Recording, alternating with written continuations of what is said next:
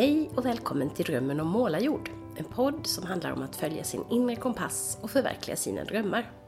Jag heter Maria Estling Wannestål och jag har kommit en bit på vägen mot att förverkliga två av mina stora livsdrömmar. Att skriva böcker och att ha en egen kursgård. I den här podden möter jag människor som har lyssnat inåt och känt efter vad som är viktigt för just dem, vad som får just deras hjärtan att sjunga. Jag inspireras av deras berättelser och det hoppas jag att du också ska göra. Välkommen tillbaka efter julledigheten. Jag hoppas att du har haft det lika skönt och avkopplande som jag har. Lite mer socialt var det i år, lite mindre pyjamasbyxor än vanligt, men väldigt mysigt och trevligt. Och det där med pyjamasbyxorna har jag just tagit igen med en liten fin januariförkylning. Jag hade tänkt vänta ut den innan jag spelade in det här. Men förkylningen verkar vara envis och det är ju jag också. Så nu kör vi. Och så ber jag om ursäkt för att min röst är lite raspig emellanåt. Så skönt det ändå är, tycker jag, att ha ett jobb där jag kan sitta hemma under täcket och pyssla när jag bara är sådär lite småkrasslig. Fixa med webbsida och mail, inte göra något som kräver så hemskt mycket av min lite småsåsiga hjärna. Och en kropp som kanske inte vill utföra några stordåd direkt. Kroppen är någonting som vi kommer att prata en hel del om i det här tionde avsnittet av podden. Det första för i år, 2016. Jag har träffat en tjej som heter Kina Persson. Hennes liv tog en ganska dramatisk vändning för ett antal år sedan när hon skadade sin rygg. Idag jobbar hon som yogainstruktör och utbildar också andra instruktörer. Det är dags att kliva in i yogastudion och lyssna på vårt samtal där Kina berättar om sin resa och om vad yogan har betytt för just henne. Välkommen!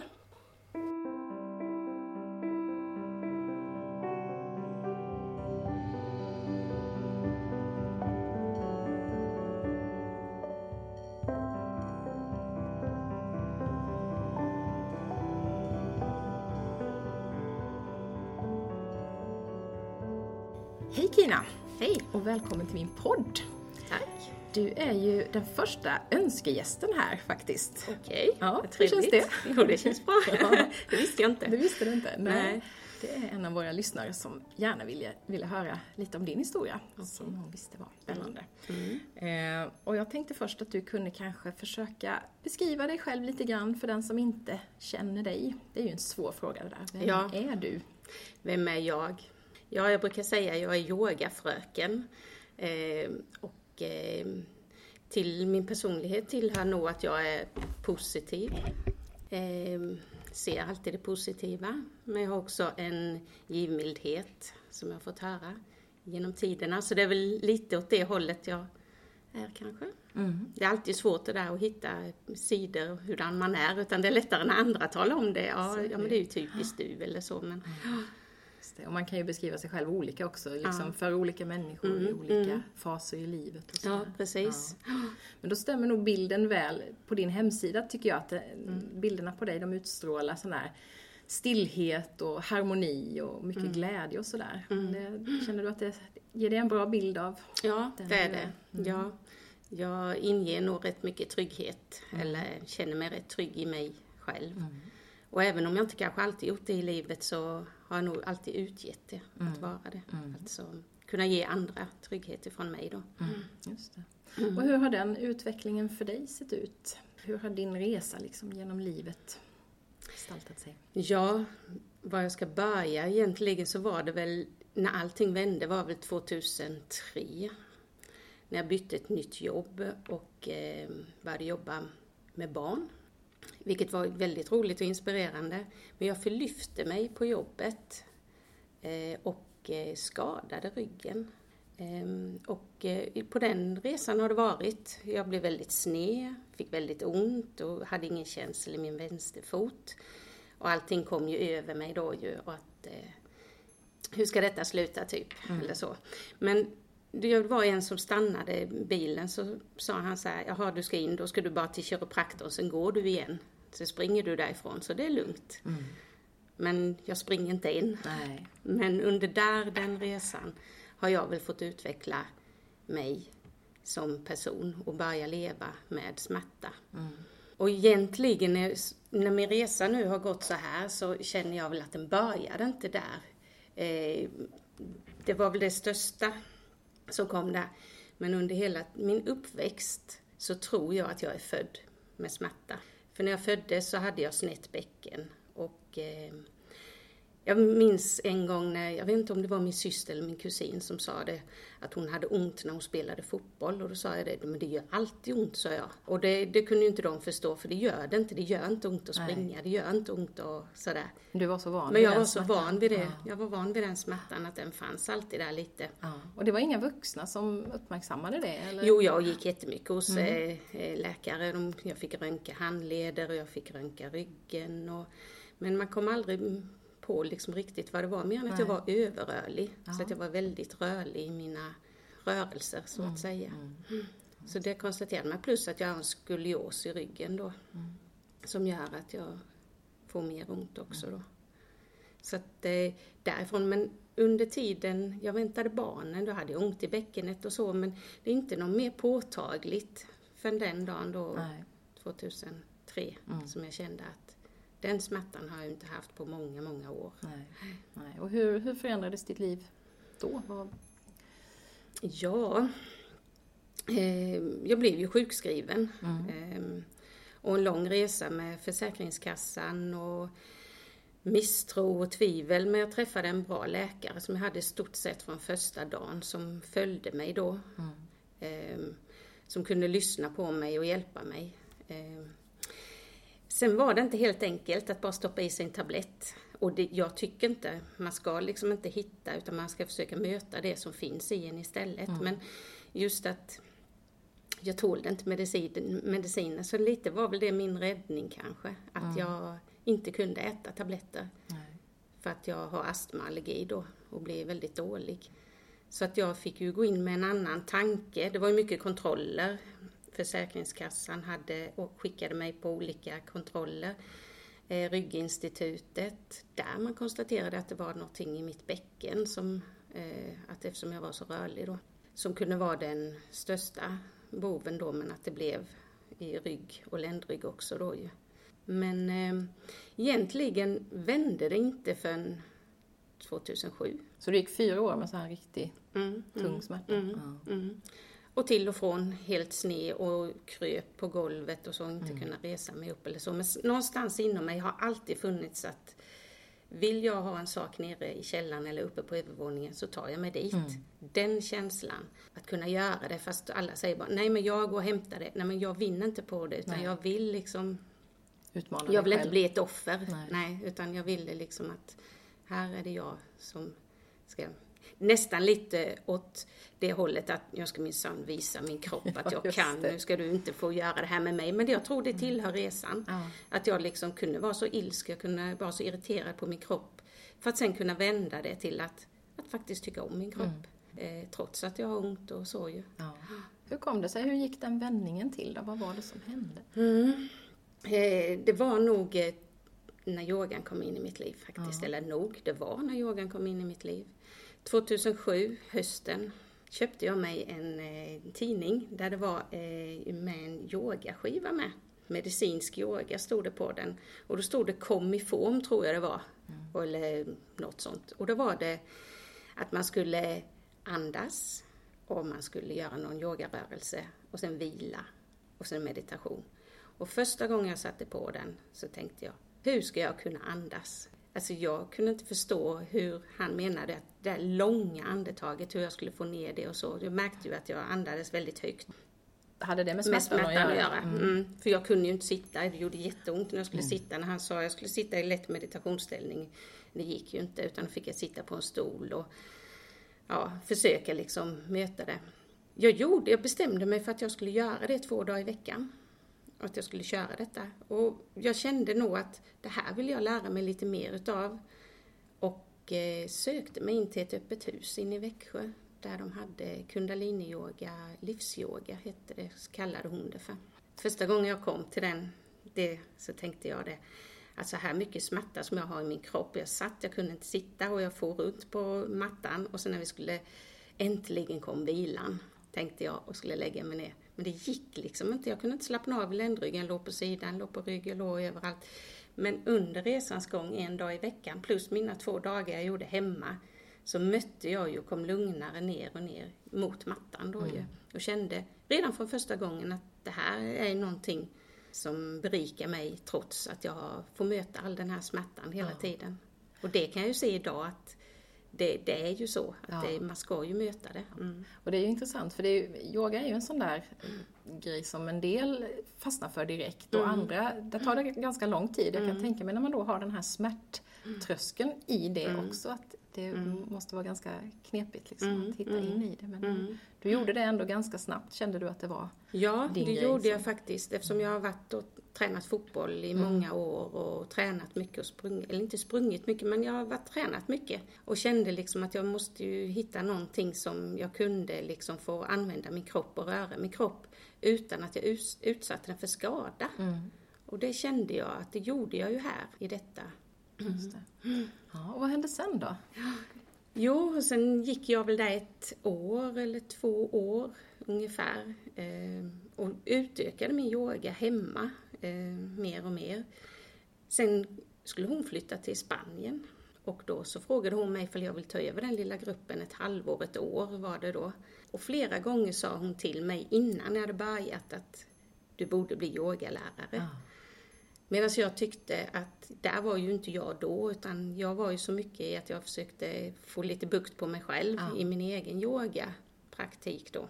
Men eh, det satt väl lite i mitt huvud också att eh, det var någonting jag skulle kanske göra för att utvecklas mer också, komma djupare in i mig, i mig själv också.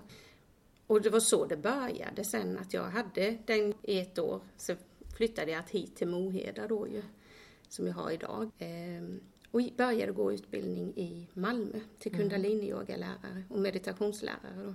Det var, eh, det var ganska givet att jag ville gå just kundalini för där jag kände att det var rörelser som min kropp klarade av i just de yogaformerna. Och eh, under den resan hela tiden där så pratade hon rätt mycket om yogalärare. Ja, men jag går nog mest för min egen skull. Det var så hela tiden. Jag hade nog inte tänkt att jag skulle utveckla till att ha elever och så. Men under tiden där kände jag, det här måste jag sprida. Ja. Det måste, alla måste få känna på yogan. Sen spelar det ingen roll om det är kundalini eller det är ashtanga eller vad den är så, så har, är, blir det mitt kall. Ja. Jag måste, det liksom kom det mantra till mig när jag var iväg då. Ja, just det. Eh, Kundalini-yogan, vad, vad skiljer den från andra yogaformer? Det finns ju så många olika, men Ja, vad skulle du vilja säga kännetecknar just kundalini-yogan? Kundalini-yogan känner jag är mycket den medvetna yogan skulle jag vilja. Det är mycket meditativt i varje position du gör. Det är i de andra också för det följer. Eh, men just detta andetagets flow i takt med rörelsen. Så när man gör en ryggradsvridning så andas man ju in åt vänster, vrider åt vänster, andas ut, vrider åt höger. Så det är mycket det här att man fyll, eh, följer rörelse, andetag samtidigt som du är i din kropp och ditt sinne. Det tycker jag är rätt skönt för då hinner jag känna in liksom kota för kota. Eh, Jag hinner känna in, sitter jag bra utan att jag behöver eh, dra ut på kroppen på något vis utan jag kan liksom bo, nästan som boa in mig i mig själv när jag gör den. Sen älskar jag kundalini för dessa mantrarna. Eh, Jag tycker om sång, jag har alltid tyckt om att sjunga och musik och detta. Och det är så effektfullt just med eh, mantrarna. Antingen man sjunger eller man ljudar dem för sig själv. Det är nog de sakerna som jag tycker eh, fångade mig mest. Ja, Och i det skick jag var just då. just det. Och sen har du fortsatt med det här då och utveckla, så hur, hur har det gått vidare efter den där Ja. kursen du skulle hålla? Ja, precis. Eh, Efter det så gick jag två år i utbildning då ju och utvecklades jättemycket. För hon sa den första veckan så sa hon, att, första gången vi träffades, att detta ska ni göra varje dag. Varje dag tyckte jag. Ska jag gå upp och göra yoga varje dag? Hur ska jag få tid med det? Men sen tänkte jag, jag, igår, jag var ju sjukskriven då och så, så jag, jag, borde, jag om någon borde ju hinna Ja. detta. Eh, och eh, började väl, inte första terminen, då var jag lite sådär, mm, jag smet väl undan kanske lite, men jag vet inte varför jag smet undan, för det är ju egentligen, det är ju så viktigt. Men eh, termin två så började jag, så yogade jag varje morgon. Det kan vara några månader, jag är väldigt sån här att jag blir, nu minsann ska jag yoga, dutt, dutt, dutt, och gör det så eh, liksom pliktigt. Ja. Och det kände jag, nej, idag ska jag inte göra det. Idag ska jag bara ut och gå och tänka. Alltså jag fick bryta det där hela tiden, sätta Mm. Mig från mattan. Att Det blir en in- prestation Ja, det blir en en- prestation. Och jag ska minsann göra detta i 40 dagar. För lite är kundalini så, att man gör dem i 40 dagar och sen man eh, upplever den känslan efter de 40 dagarna.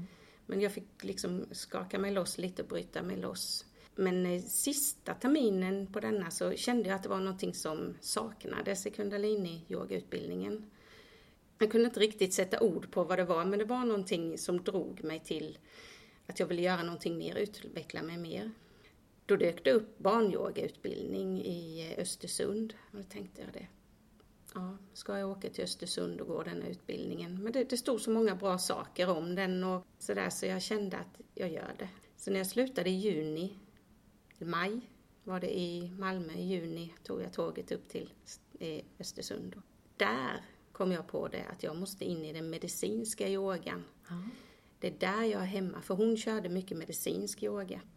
Då går man ner ännu ett snäpp.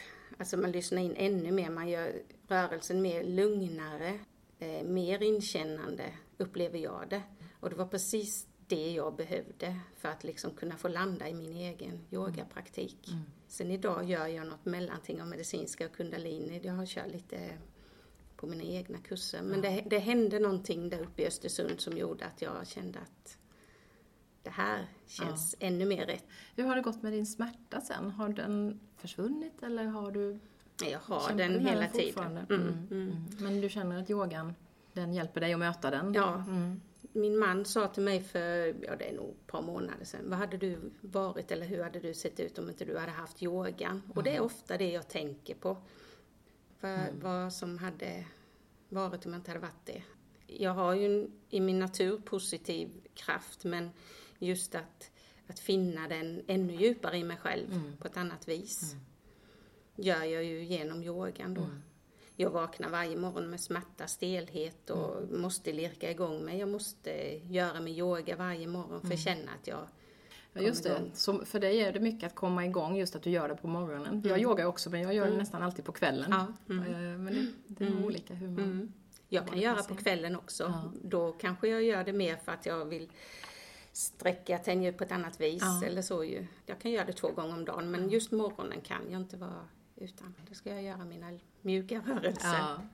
Hur, så, nu jobbar du ju med detta som en verksamhet också. Är det det du gör helt och hållet eller gör du andra saker också? Ja, nästan helt och hållet är det. Eh, Jag har jobbat som elevassistent, eller jag jobbar som elevassistent inne på Växjö Montessori-skola och eh, har gjort i många år under tiden. Men där har jag trappat ner mer och mer, så där jobbar jag bara ett par timmar och kommer ha tjänstledigt därifrån från och med nästa år ungefär. Det är inte riktigt bestämt vad, de, vad jag ska ha för åtagande där, men de vill gärna ha in barnyoga i skolan. Så jag kommer ju inte släppa det helt, men jag kanske inte jobbar med exakt det jag gör idag. Nej. Det här med barnyoga tycker jag är jätteroligt för jag Mm. yogade mycket, jag, jag och min syster och min mamma när vi var barn. På 70-talet då hade vi någon yogabok som vi jobbade med och sen har mina barn också varit intresserade så vi Mm. yogar också. Så det tycker jag är väldigt spännande. Hur, hur är det att jobba med barn tycker du med Jo. yogan? Det är så mycket glädje och skratt och nyfikenhet och självinsikt. Alltså, åh, jag kommer ju inte längre ner och jag kan ju inte mer. Och sen när det gått några gånger så liksom, då är det precis som att lugnet infinner sig, stillheten kommer liksom till dem också. Att de kan hitta sitt inre rum då, att det gör ingenting att jag inte kommer längre ner utan det är bra precis som det är. Men just den lekfullheten, glädjen i yogan tycker jag är och att man själv då som lärare inte, utan man bjuder in till glädje också. Att de får känna rörelsen och hur det känns. Så är det någonting du vill utveckla och jobba mer med just Mm. barnen och skolor och Ja. så få in det liksom i Mm. Under tiden jag gick där uppe i Östersund så eh, hade hon snappat upp mig lite då så på hösten ringde hon mig och frågade ifall jag ville gå bredvid henne och börja utbilda i södra Sverige då. Så det gjorde jag. Jag gick, vid, jag gick både i Östersund något år efter och i Göteborg de gånger jag kunde så. Eh, så att eh, då under hennes regi började jag starta i Malmö eh, förra året, i våras. Och nu har jag då utvecklat att jag ska ha barnyoga då. Det har blivit intresse både i Göteborg, Malmö och Växjö. Eh, så att eh, därav att jag inte kan jobba kvar. Nej. Nej. Så att det, det, det, är liksom, det är väl lite utav en dröm att sprida barnyoga Mm. till varenda unge. Om man säger så. Att det liksom ska få komma ut. Och som en motvikt till mycket annat, Ja. tänker jag. Mm, mm, Lugnet och mm. det du säger, Mm. självinsikt och sånt där också Mm, som är så mm. viktigt. Som är så viktigt. Och likadant ju äldre, om de kommer upp i tonåren och detta. Det är väl där nästan jag känner Ja. ännu mer också att jag tycker det är intressant att få hjälpa och stötta Visst. genom yogan då. Att de hittar det själva i sig själva, alla Ja. svaren istället för att leta utåt. Mm. Ja. En viktig mission du Ja, har. ja, jo men det skulle Ja. vara jätteroligt om man kunde vidareutveckla Ja. den. Och jag känner att det är i tiden. Ja. ja, för jag tänkte just på det. Det är ju ett enormt stort intresse för yoga Mm. om man jämför med bara för tio år sedan. Det, var, det var ju någon våg där på 70-talet när Mm. min mamma och vi höll på. Men sen har det ju varit ganska tyst om yoga Mm. ganska många år. Vad tror du gör att det har blivit sånt intresse för det nu på senare tid? Ja, att eh, vi behöver det. Mm. Vi behöver lugnet, vi behöver stillheten. Och vi får det som, kan också få det som en träningsform, att vi Mm. rör oss. Och, att, eh, ja, och sen, jag tror allting sånt som ligger i tiden där vi kan få landa. Mm. Att vi behöver, att vi har ett stort behov av det, för tempot är så högt idag. Ja. Ehm, Man ska vara överallt och man ska kunna allt och då behöver man få landa i sig själv så att man inte spinner iväg. All den här stressen och utbrändhet som faktiskt finns bland oss. Som kan sätta sig både somatiskt och ja, för det handlar ju Viktigt. yogan om också att liksom lösa upp blockering. blockeringar och så. Mm, Ja. mm. Passar det alla då, tror du? Är yoga någonting som alla kan ta till sig? Ja, fast du kanske inte är i den tiden just i livet just nu. För jag tror det handlar om det också, att man ska ha en öppenhet till det till när man startar. Eh, annars kan alla, alla kan yoga, absolut. Och den yogan som jag har, där sitter vi på stol eller vi har olika redskap och vi kanske ligger igenom, om man känner att man inte orkar sitta upp eller stå upp så finns det alltid andra vägar för att göra rörelsen. Och samt det viktigaste är ju andetaget då, ju, så att man hittar det. Varför är det så mycket kvinnor och så få män som yogar? Ja, Har du någon teori om det? Ja, det har jag också undrat. Eh, Jag har faktiskt fått frågan om jag skulle ha någon killgrupp och så. Ja. Ja, det kanske, men samtidigt tycker jag det är trevligt om man kan blanda in Ja. och ha- göra mixade grupper. Men jag har haft en kille och det är min bror. Han kom rätt ofta och på yogan bland alla damer. Mm. Ja. Och damerna tycker ju det är jätteroligt. ja. Ja, det brukar vara en eller två på de passen jag går på Ja, också. ja, Det är mm. väldigt kvinnlig dominans. sådär. mm. Men jag tänker också att det har att göra lite med den här öppenheten för det är lite an, annorlunda kanske. Att det finns lite av ett andligt inslag, eller mycket av ett Mm, andligt inslag gör det ju eh, såklart. Och att det, jag vet inte om det är någonting som, om man generaliserar, det är fler kvinnor som liksom är intresserade av eller vågar ta till sig. Jag vet inte om de behöver en liten spark i baken ibland. Jag tror det. Jag tror det också, att det kan vara det faktiskt. Ja. Absolut. Det finns ju många av den andra varianten också förstås. Men, Ja, ja. ja. det är spännande. Hur tänker du dig eh, framöver så här? Hur, vad vill du? Du vill sprida barnyogan. Har du andra tankar Ja. om vad du vill göra? Eh, det är ju just eh, barnyogan som jag känner att det är där jag måste börja, eller Ja. där vi måste börja. Och det finns så många bra eh, yo- barnyogalärarutbildningar runt om i Sverige. Och alla är vi liksom, brinner vi för att få ut detta i skolor och vård. Vilken reaktion möter du? Alltså när, om du kommer till en skola och föreslår att de ska börja med yoga, vad, alltså, vad tycker folk om det? Mm.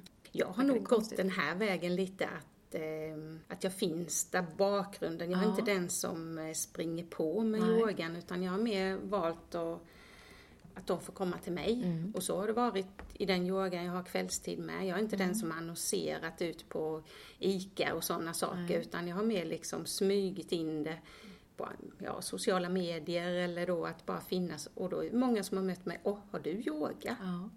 Det visste jag inte. Ehm, Men sen eh, just barnyogan på skolan där jag är smyger jag ju in det även i lektionstid. Ja. Ehm, De barnen jag jobbar med. Eh, Och sen så eh, frågar de själva idag. Och kan vi inte ha yoga idag? Ja. Ja. Så att, och komma till andra skolor, jag har ju varit på andra skolor också, men då har det varit genom barnyogadagen. Det kanske du har talas om? Nej. Det är första fredagen i september blir det ja. Mm. Då är det alla skolor så uppmanar man att man ska ha barnyoga då, eller ungdomsyoga då. Och eh, vi som är lärare åker ut och gör detta gratis. Och, En del i spridandet. ja, precis. Och jag möter väldigt positiv eh, respons ifrån eh, lärare och elever också. Och jag kan se det när vi börjar yogapasset. Att det är lite stimpigt och de frågar mycket rätt ut och såna här saker. Sen bara känner man att lugnet bara infinner sig. Ja. Och sen under vilan då, när jag gör någon meditation, är det redan slut. Ja. Det var så skönt. Så att visst behöver man det. Sen handlar ju allting om tid och Ja. pengar även i skolor. Jo, det är ju så i skolan. Det är ju prioriteringar. Ja, jag det tänker att så. mycket, mycket annat kanske skulle kunna Mm. lösas lättare Mm, om, man mm, hade, mm. om man satsade på sådana här saker. Ja, Jag ska nog ta ett snack med min, mina barns skola. ja precis. Bjuda in dig på barnyoga Ja, nästa gång. ja, Ja, mm. ja, vad roligt. Ja, nej, men det är ju ett sätt att eh, få det vidare och jag lämnar gärna redskap och kopierar gärna för att de ska kunna ha det. Så det är liksom ingenting, jag känner inte att jag äger någonting utan det här ska ju spridas liksom. Det är det som är det viktiga. Ja, vad härligt. Mm. Om man nu eh, känner att ja, men det skulle vara spännande att börja yoga, har du något råd sådär till den som är lite sugen på att prova? Ska man, ska man testa olika former eller vad, vad ska man göra? Om man aldrig har yogat förut. Mm. Att man inte har för bråttom. Eh, Jag känner att eh, absolut, prova olika, hitta din yogalärare som du trivs med. Eller om du känner att yoga hemma så finns det också fantastiska redskap till detta. Det finns CD-skivor, det- vi har ju, mm, det finns ju sociala Mm. På Youtube till exempel. Ja, som man kan gå in och liksom försöka landa i och prova dig fram, känn dig fram. Um, försök att hitta det som passar dig. Mm. Eh, men prova gärna olika sorter. Mm. Det gör jag ju själv också. Tycker det är intressant att fördjupa mig i olika grenar av yoga. Mm. Men att inte ha för bråttom och känna att man ska göra så stort och så mycket. Börja med en position eller börja med solhälsningen. Gör en eh, andningsövning. Alltså bara göra en sak för att det inte ska bli för mycket. Och gör det hellre lite varje dag. Mm. Det är nog mitt råd Ja. För det. Jag tycker också som jag har upptäckt att försöka få bort det där med prestationen. Mm. För det kände jag väl i början att oh, men man måste bli bättre, man måste utvecklas, man måste Mm. göra mer avancerade positioner. Men jag har ju hittat Mm. mitt sätt att yoga och det är väldigt mycket meditation och det är väldigt Mm. mycket just lugnet och inte att nödvändigtvis bli vigare utan att det bara ger den där stunden av Mm. lugn på mattan som jag tycker är så härlig. Men jag tycker man, det, det kan vara lätt ibland att dras med, precis som man gärna dras med i hets kring löpning. Man måste springa längre och längre lopp och man måste springa snabbare och snabbare. Så, så kan det ju finnas en sån eh, eh, sida i, i yogan också. Att just det här att man ska utvecklas och bli någon guru som kan slå knut på sig själv. Och det behöver ju inte alls vara så. Nej. Det är ju viktigt jag, För mig är inte ihåg. yogan så. Nej. Min är också precis så som du beskriver det, mer i meditationen och att man är i sitt andetag, att det är det som är det viktigaste. Jag har inget behov av att eh, utvecklas och stå på händer. Nej. Sen kan det vara en kul grej att göra någon gång, men det är liksom inte det att jag hela tiden ska behöva bygga upp mig, eller utger inte det till de andra heller, utan stanna där det känns bra. Ja. Känn in din egna kropp, vad du behöver, vad, vilken rörelse ska jag göra idag? Och Inte hela tiden bara stressa framåt. Och det, det kan ju finnas, för yogan exploderar det är power-yoga och det blir ju mer, det byggs på Just mer det. och mer. Och det finns ju så många olika sammanhang. Man hittar det på gymmet och man hittar det överallt. Så. Ja. Det är lite svårt det där med att om man har prestationen i sig själv från början. Att man gärna kanske vill titta, oh, hur långt klarar den jämte? Och, det ska man försöka att inte mm, att jobba bort det liksom, utan bara känna i sig själv hela tiden. Det som känns bra för sig själv. Jag brukar göra pass med en tjej som heter Adrienne och hon, hon har just det som mantra, find what feels good. Alltså hitta det som känns bra för just dig. Det tycker jag är, har jag tagit med mig. Att känna efter. Vad vill jag jag göra också. just idag? Vad är det för typ av yoga jag behöver just nu? Mm, mm. Och det, det är klart, det kan ju vara svårt i början att veta exakt då vad man ska börja med, men man kan se sig omkring. Det finns mycket om yoga idag och det finns jättemycket att läsa om. Och, Men försök att inte ha för bråttom, utan stanna upp och känn in. Mm. Vad tror du du gör om tio år? Ja, det tror jag att jag yogar fortfarande, eller jag vet att jag yogar fortfarande. Jag kan bara, jag, jag tänkte faktiskt på det eh, från att jag, nu ska vi se här, vilket år kan det vara? Det är fyra år sedan jag började här i Moheda då och ha kurser. Då var vi fyra, fem stycken jag hade framför mig som jag hade när jag gick min utbildning då så att de skulle, att jag skulle öva Ja, på just dem det. lite och så ju. Mm. Idag är vi över 60 har jag på kvällarna och, och även en dags, eller dagstur då. Och det är en ganska liten ort det här ju. Det är en liten ort, lilla. Moheda. Ja. så att jag känner det, oj hur utvecklas det? Och än idag kommer ju många fram till mig, oj har du yoga? Ja. Nu när jag har lokalen lite mer centralt så blir det lite mer uppmärksamt Mm. än vad det var innan då. Men som sagt, jag har inte annonserat direkt någonting utan Nej. det har bara liksom, Mun till mun ja det har blivit så faktiskt. Och därför känner jag det, ja vad gör jag om tio år? Mm. Det skulle vara roligt.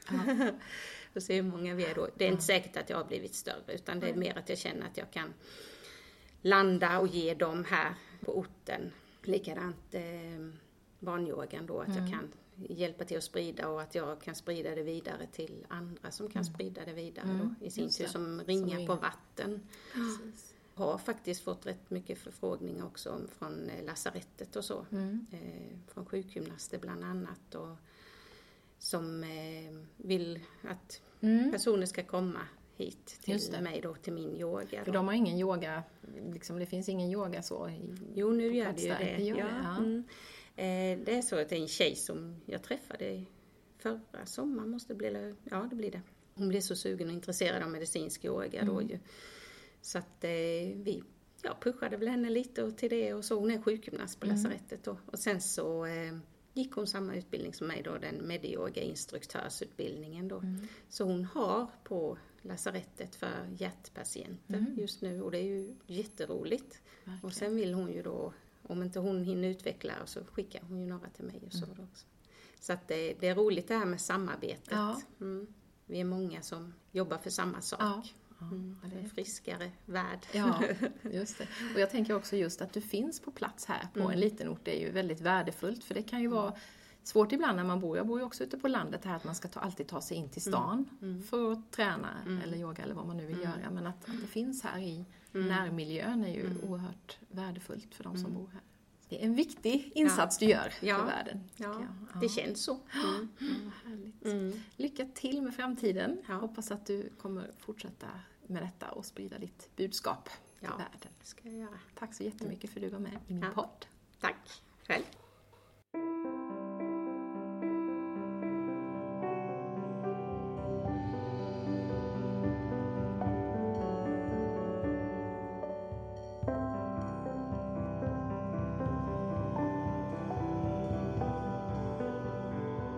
Var alltså Kina Persson och du kan följa henne på Facebook på hennes sida Harmoniyoga med Kina. Kina upptäckte ju yogan ganska sent i livet. Själv så mötte jag den precis som jag berättade om i vårt samtal redan som barn på 70-talet. Då var det min mamma som introducerade den för mig och min syster. Jag minns alla roliga rörelser vi gjorde. Men då förstod jag inte alls att yogan är så väldigt mycket mer än positioner med skojiga namn. Förutom att jag har gjort lite gravidyoga med några av mina barn så har yogan egentligen inte fått någon plats i mitt liv förrän för, ja, kanske två, tre år sedan. När jag hittade en helt ny dimension i den. Idag så är yogan en viktig del av mitt liv och mina egna barn trivs också på yogamattan. Efter ett pass med Kina för ett tag sedan så sa min 11-åring att en yogastudio, det ska hon minsann skaffa sig när hon blir stor. Och när hon fyllde år häromdagen var yogabyxor det som stod högst upp på hennes önskelista. Under samtalet med Kina nämner jag en yogalärare som heter Adrienne. Hon har massor med fina gratispass på Youtube. Och du kan hitta dem på hennes kanal Yoga with Adrienne. Just nu följer jag och mina döttrar hennes 30 dagars januariutmaning, Yoga Camp. Oftast är det ett barn som hänger på, häromdagen var alla tre töserna med mig. Jag är så otroligt tacksam över att vi delar det här intresset. För jag tror ju precis som Kina att yoga är ett fantastiskt bra sätt att hitta lugn i en ofta ganska intensiv tillvaro, som den ju är för våra barn också. Att yoga med en livs levande lärare som guide är förstås snäppet bättre än på Youtube, om man tycker att man har råd och tid. Redan när jag kliver in i lokalen går liksom andningen ner i magen och under vilan i slutet av yogapasset, det som vi kallar för shavasana, då tänker jag ibland att det finns nog inget skönare i precis hela världen än just den stunden. För några år sedan gjorde vi något extra kul, jag och tre andra familjer, som julklapp till oss själva. Vi bokade in ett alldeles eget familjepass med vår favorityogalärare i yogastudion. Och så gick alla vi vuxna barn ut och åt tillsammans efteråt. Det var en riktigt mysig eftermiddag och kväll som vi nog aldrig glömmer. Om du inte själv har testat yoga så rekommenderar jag dig verkligen att göra det. Du kanske inte fastnar direkt, men ge det en chans. Jag tycker också att Kinas rekommendation om att inte gå ut för hårt i början är jätteviktig. Ett litet steg i taget är ofta bra, vilka förändringar vi än tar itu med i våra liv. Jaha, det här var allt för idag. Jag har två intervjuer inspelade före jul som väntar på redigering och en hel massa spännande poddgäster på gång under våren. Tipsa gärna mig om personer som du tycker skulle passa in här. Antingen på Facebook-sidan Drömmen om målarjord eller via mail podcast livstid.nu. Och tipsa hemskt gärna dina vänner och bekanta om podden om du gillar den. Vi hörs snart igen. Hejdå!